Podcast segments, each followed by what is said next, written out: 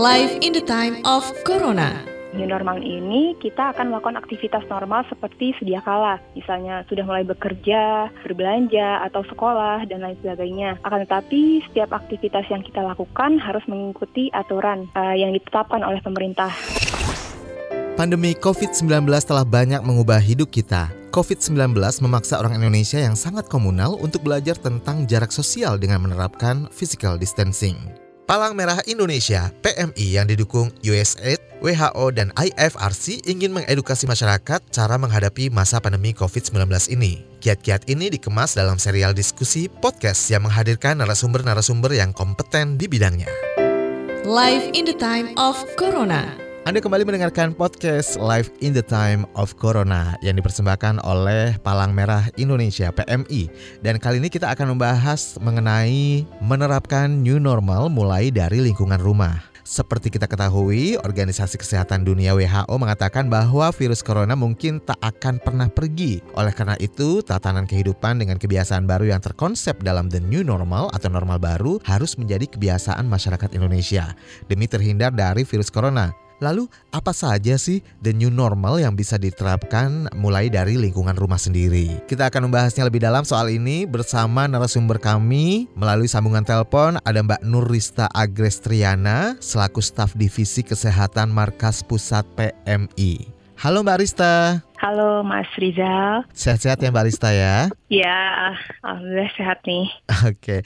Nah, ini di masa pandemi ini nih kita sering mendengar belakangan ini nih lagi happening banget new normal. Istilah new normal ini atau normal baru atau tatanan baru.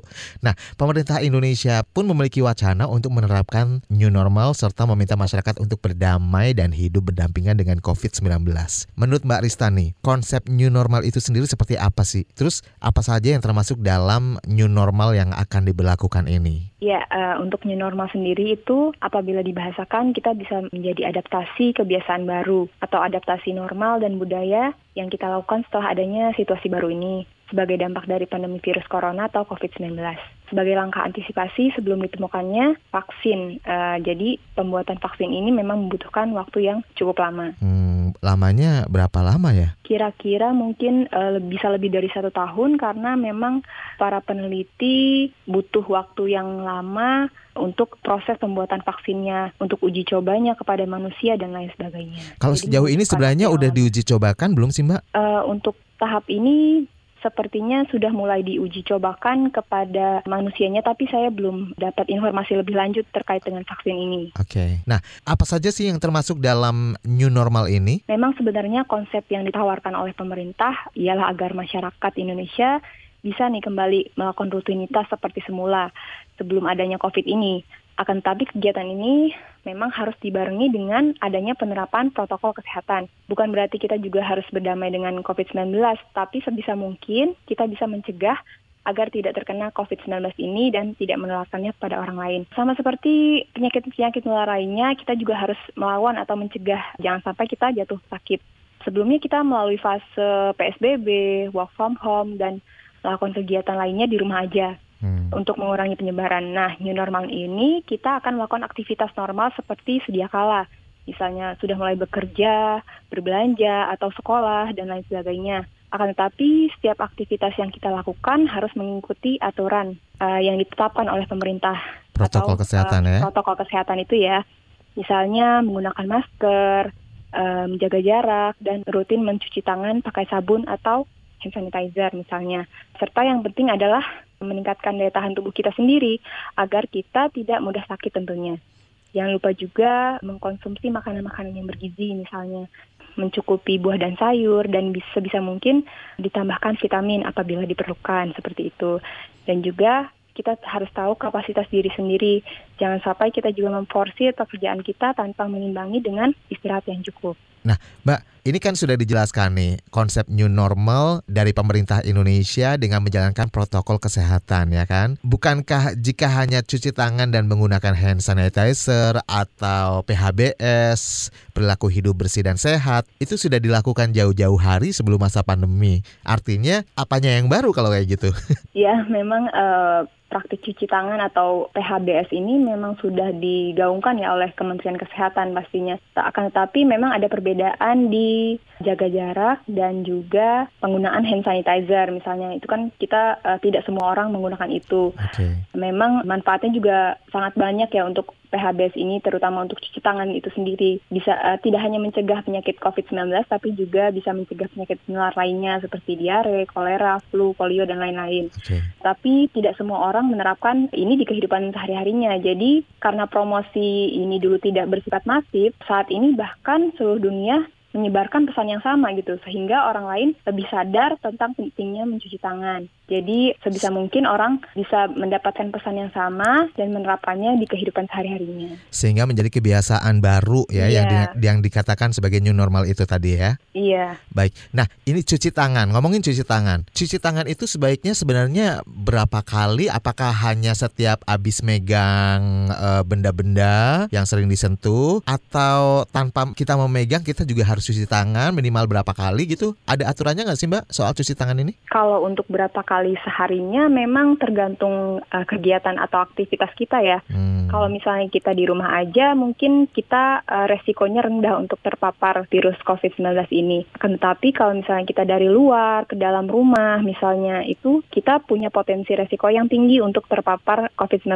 ini. Jadi setelah keluar dari rumah, misalnya uh, setelah memegang barang-barang uh, dari luar, misalnya seperti itu, kita bisa mencuci tangan uh, minimal 20 detik uh, dan menggunakan sabun atau hand sanitizer. realize that Dan ini seberapa efektif nih seandainya penerapan konsep new normal ini benar-benar diterapkan dalam waktu dekat ini? Karena kan eh, mengingat angka positif penambahannya masih terus berlangsung nih hingga saat ini. Iya, memang untuk new normal ini konsep yang baru ya yang diperkenalkan kepada masyarakat setelah adanya pandemi COVID-19.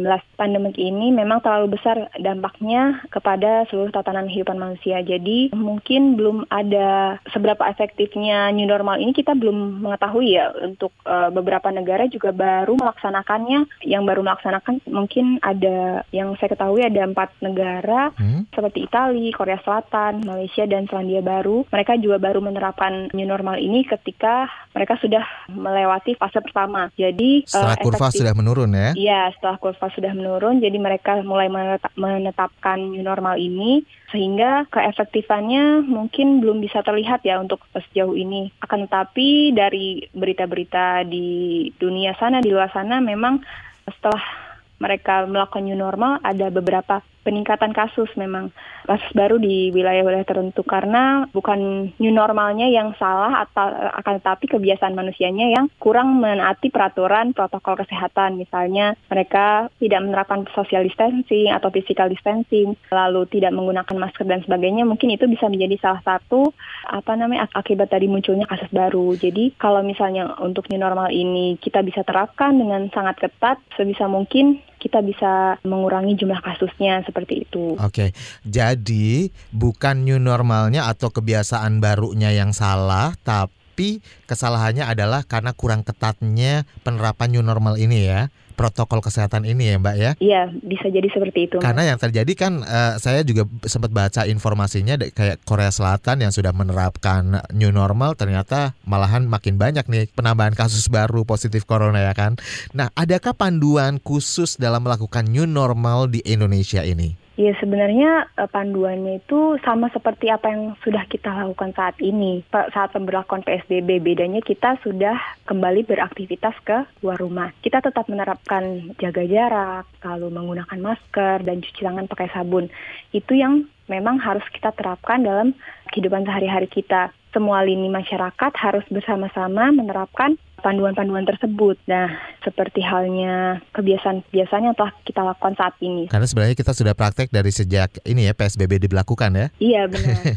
Praktiknya memang sudah kita lakukan sekarang, tapi kita mencoba untuk menerapkannya di luar rumah, misalnya. Dengan kondisi itu. dengan kondisi yang normal kembali gitu, Iya, beraktivitas, dengan beribadah dan sebagainya. Benar sekali. Baik. Nah, ini kan tentu ada bedanya nih ketika kita berkegiatan di luar rumah dengan berkegiatan di dalam rumah. Nah, contoh yang paling paling sederhana ketika kita mau menerapkan new normal di lingkungan rumah sendiri. Ini seperti apa nih yang bisa dibagikan? Oke, untuk di rumah kita bisa menerapkan seperti tadi ya mencuci tangan pakai sabun misalnya kalau untuk di rumah di lingkungan rumah tidak perlu pakai masker misalnya karena memang tidak ada yang sakit misalnya di satu rumah itu. Akan tetapi apabila ada anggota keluarga kita yang sakit, jangan lupa juga isolasi mandiri di rumah pastinya. Untuk yang sakit dipisahkan.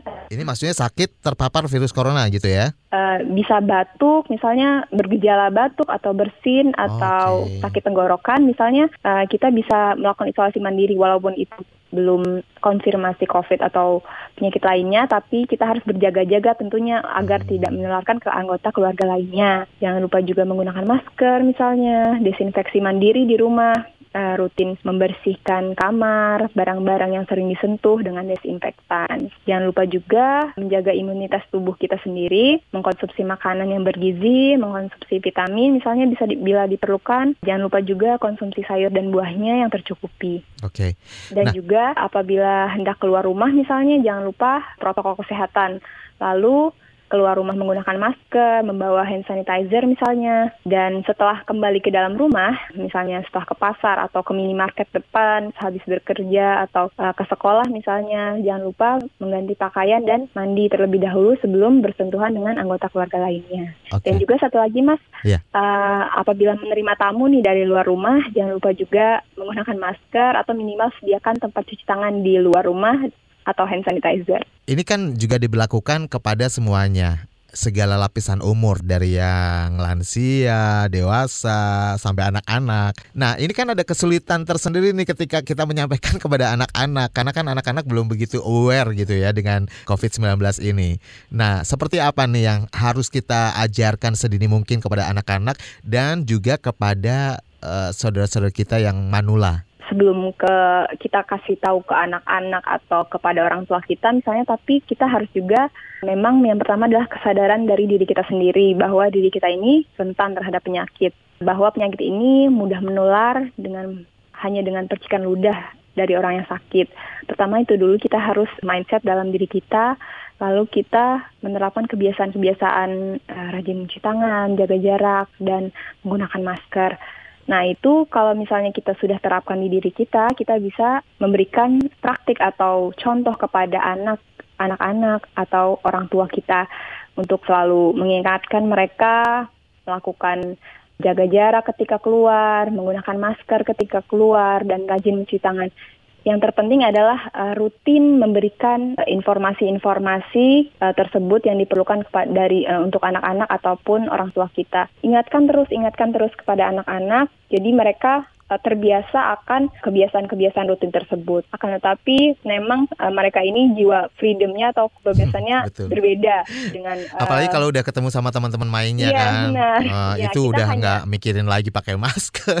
Iya benar betul sekali. itu gimana tuh kalau kayak gitu? Iya memang uh, jangan lupa kita memang uh, harus mengingatkan terus-menerus ya, jangan sampai lelah kitanya hmm. untuk mengingatkan dan juga kita tidak hanya mengingatkan saja, tapi kita juga kasih itu maskernya, kasih kasih itu uh, hand sanitizernya. Jadi kita ingatkan terus menerus mereka, pasti mereka juga akan uh, apa namanya aware terhadap okay. diri mereka sendiri. Gitu. Teori langsung dibarengin praktek gitu ya. Nah, Palang Merah Indonesia atau PM ini kan sebagai salah satu garda terdepan di masa pandemi ini. Apa nih yang sudah disiapkan oleh PMI untuk menyambut era new normal ini? Ya, uh, sebenarnya PMI itu kan auxiliary government ya untuk membantu pemerintah mencegah terjadinya atau penyebaran COVID-19 ini menjadi luas. Jadi kita memang kegiatan-kegiatan PMI itu lebih banyak kepada promosi kesehatan atau pengurangan resiko terhadap penyebaran kasus ini. Kita juga melakukan disinfeksi ke, ke beberapa wilayah dan juga melakukan promosi kesehatan di seluruh wilayah di Indonesia.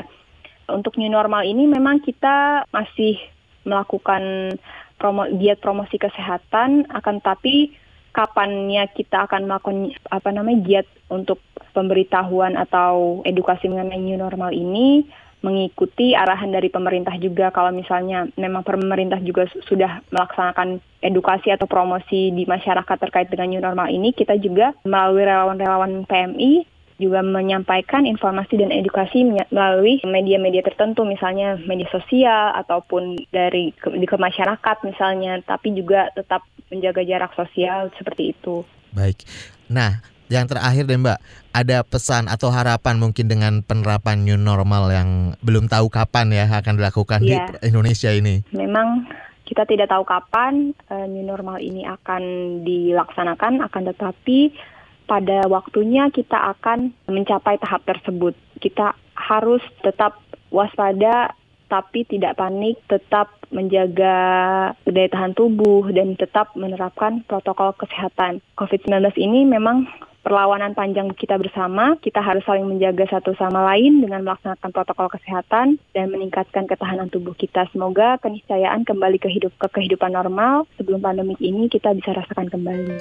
Demikian Live in the Time of Corona bersama saya Rizal Wijaya dengan tema menerapkan new normal mulai dari lingkungan rumah dan menghadirkan narasumber Nurista Agres Triana selaku staf divisi kesehatan Markas Pusat PMI. Sampai jumpa di Live in the Time of Corona episode berikutnya. Live in the Time of Corona dipersembahkan oleh Palang Merah Indonesia, supported by USAID, WHO, and IFRC.